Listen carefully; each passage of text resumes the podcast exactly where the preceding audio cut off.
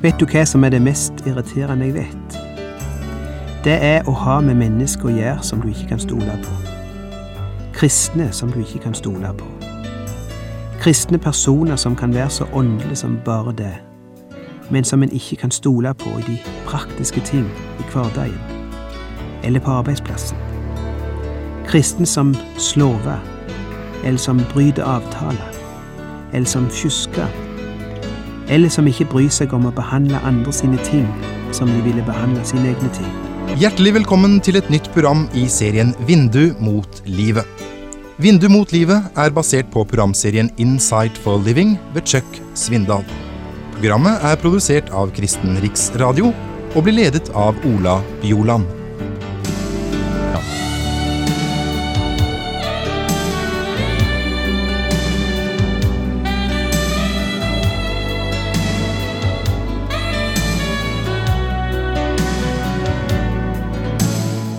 Sist gang snakket vi om hvordan utakk er verdens lønn. Hvordan denne verden ofte straffer det gode og belønner det vonde. Det var det Daniel fikk oppleve. Han gjorde en glimrende jobb som riksråd for kongen. Han var ærlig, pliktoppfyllende, arbeidsom og flink. Og nettopp for det ble han mislikt av sine kollegaer. Antagelig var de slike som sjøl tok seg friheter og utnytta sine posisjoner, og de likte ikke å, ha en blant seg som ikke gjorde det samme. Derfor irriterte de seg over han, og stakk seg sammen for å finne et eller annet ved Daniel som de kunne sette fingeren på og få han avsett. Daniel var rett og slett for flinke for de, og for pliktoppfyllende. Og noen mennesker liker ikke at andre er flinkere enn de sjøl, og blir bedre likt. La oss se litt på den andre karakteristikken ved Daniel som vi finner i denne teksten, og som har med integritet å gjøre. I vers fem og seks står der De var ikke i stand til å finne noen grunn til å klage på ham, eller noe galt å si om ham, for han var pålitelig, og de fant verken forsømmelse eller feil hos ham. Dette er et av kjennetegnene på personlig integritet og jeg vil også si på et sant og ekte gudsliv. Det skal vise seg i pålidelighet og truskap. Og nå skal vi være litt på vakt her, for her er det ikke tale om truskap i det åndelige eller religiøse liv. Her er det ikke snakk om truskap når det gjelder å gå til kirke eller gudshus. Det snakkes ikke om det som foregår på søndagen. Der skal vi òg være trufaste, sjølsagt, og pålitelige. Men her er det snakk om pålitelighet når det gjelder arbeid og yrke og hverdag. Og disse typene starta en etterforskning for å prøve å finne en eller annen svikt, en eller annen feil, forsømmelse, en uærlighet eller noe annet i Daniels yrke eller utøving av yrket sitt. Et aldri så lite underslag, kanskje, eller en misbruk av tida, eller misbruk av stillingen. Et eller annet må det jo være å anklage han for. Men de finner ingenting. De finner null. De saumfarer regnskapene. De saumfarer lagrene for å se om noe er blitt borte. De undersøker innstemplingsmaskinen som han er, om han er sluntra unna. De saumfarer telefonrekningene. Vel, de hadde vel ikke slike moderne hjelpemiddel den gangen, men jeg bruker disse ordene for å få fram at her er det et nøye detektivarbeid som foregår, for å finne et eller annet å sette fingeren på når det gjelder Daniels arbeidsmoral. Men de ble skuffa, og når de kommer sammen for å sette sammen resultatene av sin etterforskning, må de skuffa innrømme vi finner ingenting, vi har ingenting å anklage han for. Jeg lurer på du og jeg ville ha kommet ut hvis vi hadde vært gjenstand for en slik saumfaring. Jeg skal ikke begynne å konkretisere her, men jeg vil bare understreke at det er ikke den tida du tilbrakte i kyrkja, eller på bedehuset, eller i bibelgruppa, som vil verte gjenstand for vurdering når det skal gjøres opp status for ditt kristenliv. Det er ikke først og fremst hva du sa i vitnesbyrdet på onsdagsmøtet, eller i misjonsforeninga, eller hvor mange du smilte til på sist forsamlingsmøte. Jeg sier ikke at det er uviktig, men status for ditt kristenliv blir gjort opp på grunnlag av hvem du er i hverdagen, på arbeidsplassen eller i heimen. Her i teksten dreier det seg altså om arbeidsplassen, hvordan du er overfor dine kollegaer, hva slags holdning du har til arbeidet, til ærlighet, til hederlighet, til innsats, til pålidelighet. Vet du hva som er det mest irriterende jeg vet? Det er å ha med mennesker å gjøre som du ikke kan stole på. Kristne som du ikke kan stole på. Kristne personer som kan være så åndelige som bare det, men som en ikke kan stole på i, det, i de praktiske ting i hverdagen eller på arbeidsplassen. Kristne som slurver, eller som bryter avtaler, eller som fjusker, eller som ikke bryr seg om å behandle andre sine ting som de ville behandle sine egne ting. Kristen som forlater et toalett som et grisehus. Kristen som kjører som noen svin i trafikken, og ikke bryr seg noen ting om de setter andre sine liv i fare. Kristen som setter stereoanlegget på full guff midt på natta, uten å bry seg katten om at det er andre folk i huset som trenger å sove. Ja, jeg sa jeg ikke skulle konkretisere, men nå gjorde jeg det likevel. Jeg vil ikke si dette på spissen og liksom gjøre det til den store synd, for ofte har det kanskje med uomtenksomhet å gjøre.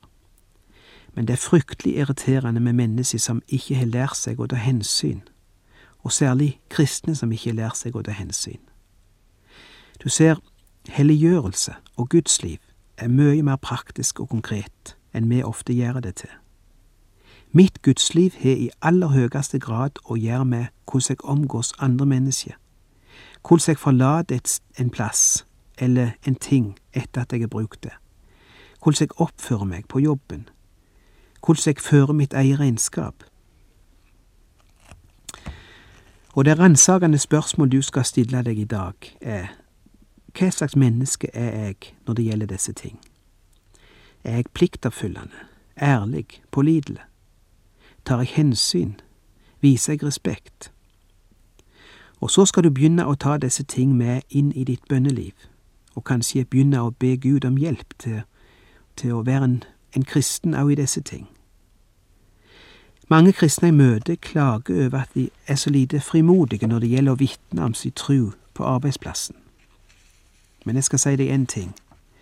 Hvis du jobber med disse ting, med ærlighet, pålidelighet, nøyaktighet i de små ting, med vennlighet, med hensynstagen osv., da skal det vitne om de tru mye mer enn noe annet. For hvis ikke de tru gir seg slike utslag, så bør du ikke engang nevne at du er en kristen. Her møter vi altså en mann som tar trua si alvorlig. De finner ikke ett punkt de kan anklage han for, eller kritisere han for. Hør hva ordspråkene 20 sier, vers 6-7. Mange roper om sin egen troskap, men hvor finnes en pålitelig mann? Rettferdig er den som er hel i sin ferd, og lykkelig er barna etter ham. Jeg hører stadig fra bedriftsledere eller arbeidsgivere at et av de største problem i næringslivet ikke er ytre problem eller ytre faktorer, men det er de ansatte. Å finne ansatte som de kan stole på, som gjør jobben sin, som ikke stjeler, som ikke lurer seg unna, som ikke misbruker sin frihet. Da jeg studerte teologi, husker jeg vi fikk høre at det var særlig to områder en predikant eller prest måtte være veldig nøye på, og sørge for å alltid ha ren samvittighet. Og det var for det første når det gjaldt økonomi, og for det andre når det gjaldt forholdet til det andre kjønn. Det er kanskje et lite sidesprang, dette, eller i det minste en liten videreføring, men jeg kom på det nå når vi først er inne på dette med integritet. For hvis en kan ta en kristen på ett av disse to punktene, iallfall en som har et tillitsverv i kristen sammenheng, da ligger en tynt an. Og en annen grunn til at nettopp disse to områdene ble nevnt spesielt, er vel at vi er spesielt utsatt nettopp her. Faren er så stor for at vi kan fjuske nettopp på et av disse to områdene. Og det så jeg eksempler på da jeg var i Amerika og vi hadde disse store skandalene rundt enkelte TV-predikanter. Det viser seg gang på gang når det ble skandaler omkring mennesker i utsatte stillinger. Det er ofte en svikt på et av disse to områdene som utløser rabalderet. Enten økonomiske misligheter eller et eller annet forhold til et menneske som en ikke er gift med. Det har ført til mange store predikanters og politikers fall opp gjennom tidene. Jeg er glad vi fikk dette så sterkt understreket da vi utdannet oss til tjeneste i Guds rike. Dette minner meg forresten om en historie jeg hører. Det var en fyr som gikk inn på et gatekjøkken for å kjøpe seg en kylling som han skulle kose seg med, sammen med den unge dama som han hadde med seg i bilen. Hun satt i bilen og venta imens han gikk inn på gatekjøkkenet. Innehaveren av gatekjøkkenet hadde nettopp den ettermiddagen samla alle kontantene fra kassen og lagt de inn i ei lita øsje, den samme type øsje som de solgte kyllinger i, for å gå over til banken med den som var rett over gata. Det var hele beholdningen for den dagen, og ganske mye penger. Og så skjedde selvfølgelig uhellet at øsja med pengene i ble forveksla med øsja som det nettopp var blitt lagt en varm kylling i, slik at når mannen åpna øsja ute i bilen etter at de hadde kjørt bort ifra plassen, så fant de en liten formue oppi der, i plassen for en kylling. Mangfoldige tusen kroner i kontanter. Fyren kjørte med en gang tilbake til gatekjøkkenet, gikk inn og leverte pengene tilbake. Og eieren ble både overraska og imponert og veldig glad, selvfølgelig. Dette var i en stor by, og han hadde ikke venta en slik ærlighet. Han var så glad at han sa, Vent litt her, dette er en historie jeg ønsker òg andre skal få del i. Jeg vil ringe en journalist som jeg kjenner, og be han komme over og ta et bilde av dere to. Det, må være det mest ærligste paret i denne byen. Å nei, vær så snill og ikke gjør det, ba mannen. Hvorfor ikke, ville eieren vite. Det er jo en nydelig hverdagshistorie. Slike folk burde det skrives om. Å nei, gjentok mannen. Du ser, jeg er gift, og den dama som er med meg i bilen, er ikke mi kone. Vel, de finner ikke noe på Daniel, annet enn at han er en veldig gudfryktig mann som tar sitt gudsliv alvorlig. Og de sier det eneste punktet vi kanskje kan ta han på, er å bruke hans gudstru imot han. Og så legger de opp en falsk plan, en sammensvergelse, bak ryggen på Daniel, sjølsagt, og går fram for kongen og smigrer han og sier, Ærede konge, du er den største av alle, og ingen fortjener tilbedelse slik som du. Vi syns du skulle vedta en lov om at hvis noen ber til noen andre enn deg, enten det er guder eller mennesker, så skal de kastes i løvehulla. Og kongen føler seg smigra og underskriver denne loven. Og dermed er de lagt ei fedle for Daniel. De lager altså en lov som de vet Daniel sin livsstil og Daniel sin tru vil komme til å bryte. Det er så simpelt å råde alt i sammen at det mest ikke til tru at folk kan være så utspekulerte. Men når vi tenker oss om, så er det kanskje ikke så uventa likevel. For vi kjenner vel igjen mønsteret noen hver av oss. Vi har vel sett nok av eksempel på lignende ting, òg ifra vår tid. Noen av dere som hører på nå, er kanskje sjøl blitt utsatt for simple triks og sammensvergelser for kanskje å få deg fjerna. Noen av dere har sjøl erfart hvordan misunnelse og sjalusi kan oppvise ganske stor oppfinnsomhet når det gjelder å finne fedle for den en vil ramme, eller gå bak ryggen til noen, snakke sammen, lure seg til sjefen og stelle i stand ei fedle. Og ja, vi kjenner mønsteret. Og først etter at de har snakket sammen bak ryggen hans og gått til sjefen, av det bak ryggen hans. Får Daniel vite hva som er skjedd. Og nå er vi veldig spente på å se hvordan Daniel reagerer. Vi leser om det fra vers 11. Så snart Daniel fikk vite at skrivet var sendt ut, gikk han inn i huset sitt. I takkammeret hadde han åpne vinduer som vendte mot Jerusalem. Tre ganger om dagen falt han på kne for sin Gud, med bønn og lovprisning, akkurat som han hadde gjort før. Da kom disse mennene farende inn og fant Daniel mens han ba og påkalte sin Gud. Så gikk de frem for kongen og sa, Konge, har du ikke sendt ut påbud om at enhver som i 30 dager ber til noen annen enn deg, konge, enten det er til en gud eller et menneske, han skal kastes i løvehulen? Kongen svarte, Jo, det står fast etter medernes og persernes ugjenkallelige lov. Da sa de til kongen, Daniel, en av de bortførte fra Juda, bryr seg verken om deg eller det påbudet du har sendt skriv om. Tre ganger om dagen ber han sin bønn. Da kongen hørte det, ble han ille til mote og tenkte på hvordan han kunne redde Daniel. Helt til solnedgang gjorde han hva han kunne for å finne en utvei til å berge ham. Da kom disse mennene farende inn til kongen og sa til ham, Konge, husk, det er lov hos mederne og perserne at ikke noe påbud som kongen har gitt, og ingen beslutning som han har tatt, kan gjøres om igjen. Så befalte kongen at de skulle hente Daniel og kaste ham i løvehulen. Kongen sa til Daniel, Måtte din Gud, som du stadig dyrker, frelse deg.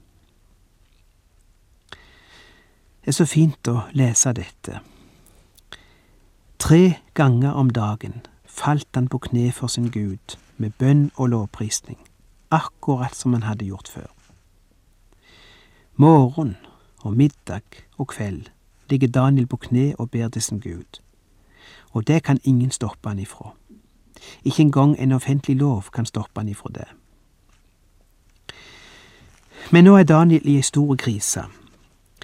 Og når vi er i ei krise, da springer vi til bønnerommet, ikke sant? Da ligger vi på kne mer enn vanlig. Og det blir som regel panikkbønner ut av det. Kjære Gud, hjelp meg med dette og når krisen er over, er bønnerommet tomt. Slik var det ikke med Daniel. Han gikk til bønnerom på samme tid som før. Han hadde allerede et utstrakt bønneliv. Han trengte ikke arrangere noe ekstra bønnemøte, for bønnemøtet var en del av hans liv. Derfor kunne han bare fortsette med det som han alltid hadde gjort, og utause sin nød for Gud. Akkurat som han hadde gjort før, står det så fint. Han hadde allerede en plass. La meg til slutt minne om at en del av vår integritet er nettopp vårt bønneliv. Her møter vi en mann som henter kraft og visdom ifra hverdagen, nettopp på kne for Gud. Tre ganger til dagen står der, på faste tider, på en bestemte plass. Ingen lov eller bud påbyr oss faste tider eller faste plasser for vårt bønneliv. Men nettopp det kan være en stor hjelp for oss til å få orden og struktur på dette. Ingenting er så lett som å sløyfe det når det ikke er noe fasthet eller struktur. Og i den oppjagte verden som vi er omgitt av i dag, så er bønn det siste vi får tid til, hvis vi ikke tar oss tid, prioriterer det. Og mange av oss må nok innrømme at det er ikke det som står øverst på vårt, på vår prioriteringsliste. La meg ikke prøve å gi inntrykk av at jeg sjøl er så flink til å prioritere dette. Jeg tenker jeg strever her minst like mye som mange av dere. Men jeg leser om Daniel, og jeg lærer noe av fortellingen. At nettopp dette at han hadde som sedvane, som regel, å sette av tid til regelmessig bønn hver eneste dag, at nettopp det nok var noe av hemmeligheten bak hans sanne og oppreiste og ærlige liv. Og om jeg ikke fått dette til ennå slik jeg ønsker, så vil jeg stadig fortsette å lære. Og jeg er glad at Gud er en tålmodig læremester. At han ikke regner med at vi er utlærte på én dag eller et år. Jeg tror han regner med at hans skole er en skole for livet. Og i den skolen føler jeg at jeg ennå bare er kommet til første klasse. Vi skal ikke følge Daniel lenger nå, vi kjenner historien videre. Bare lyst til å nevne til slutt at det ender godt med Daniel. Eh, det viser at rettferdigheten seirer til slutt. Ikke glem det. Du kan føle deg urettferdig behandla, forbigått, tråkka på. Men er det én ting jeg er sikker på, så er det at rettferdigheten seirer til slutt. Den rettferdige skal få oppreisning. Ærlighet varer lengst.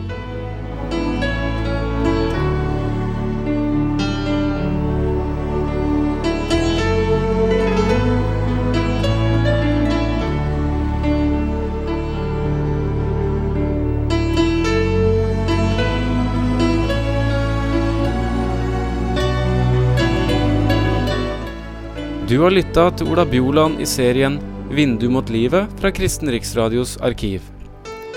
Ola Bjoland var ansatt i Kristen Riksradio inntil han døde i 2002.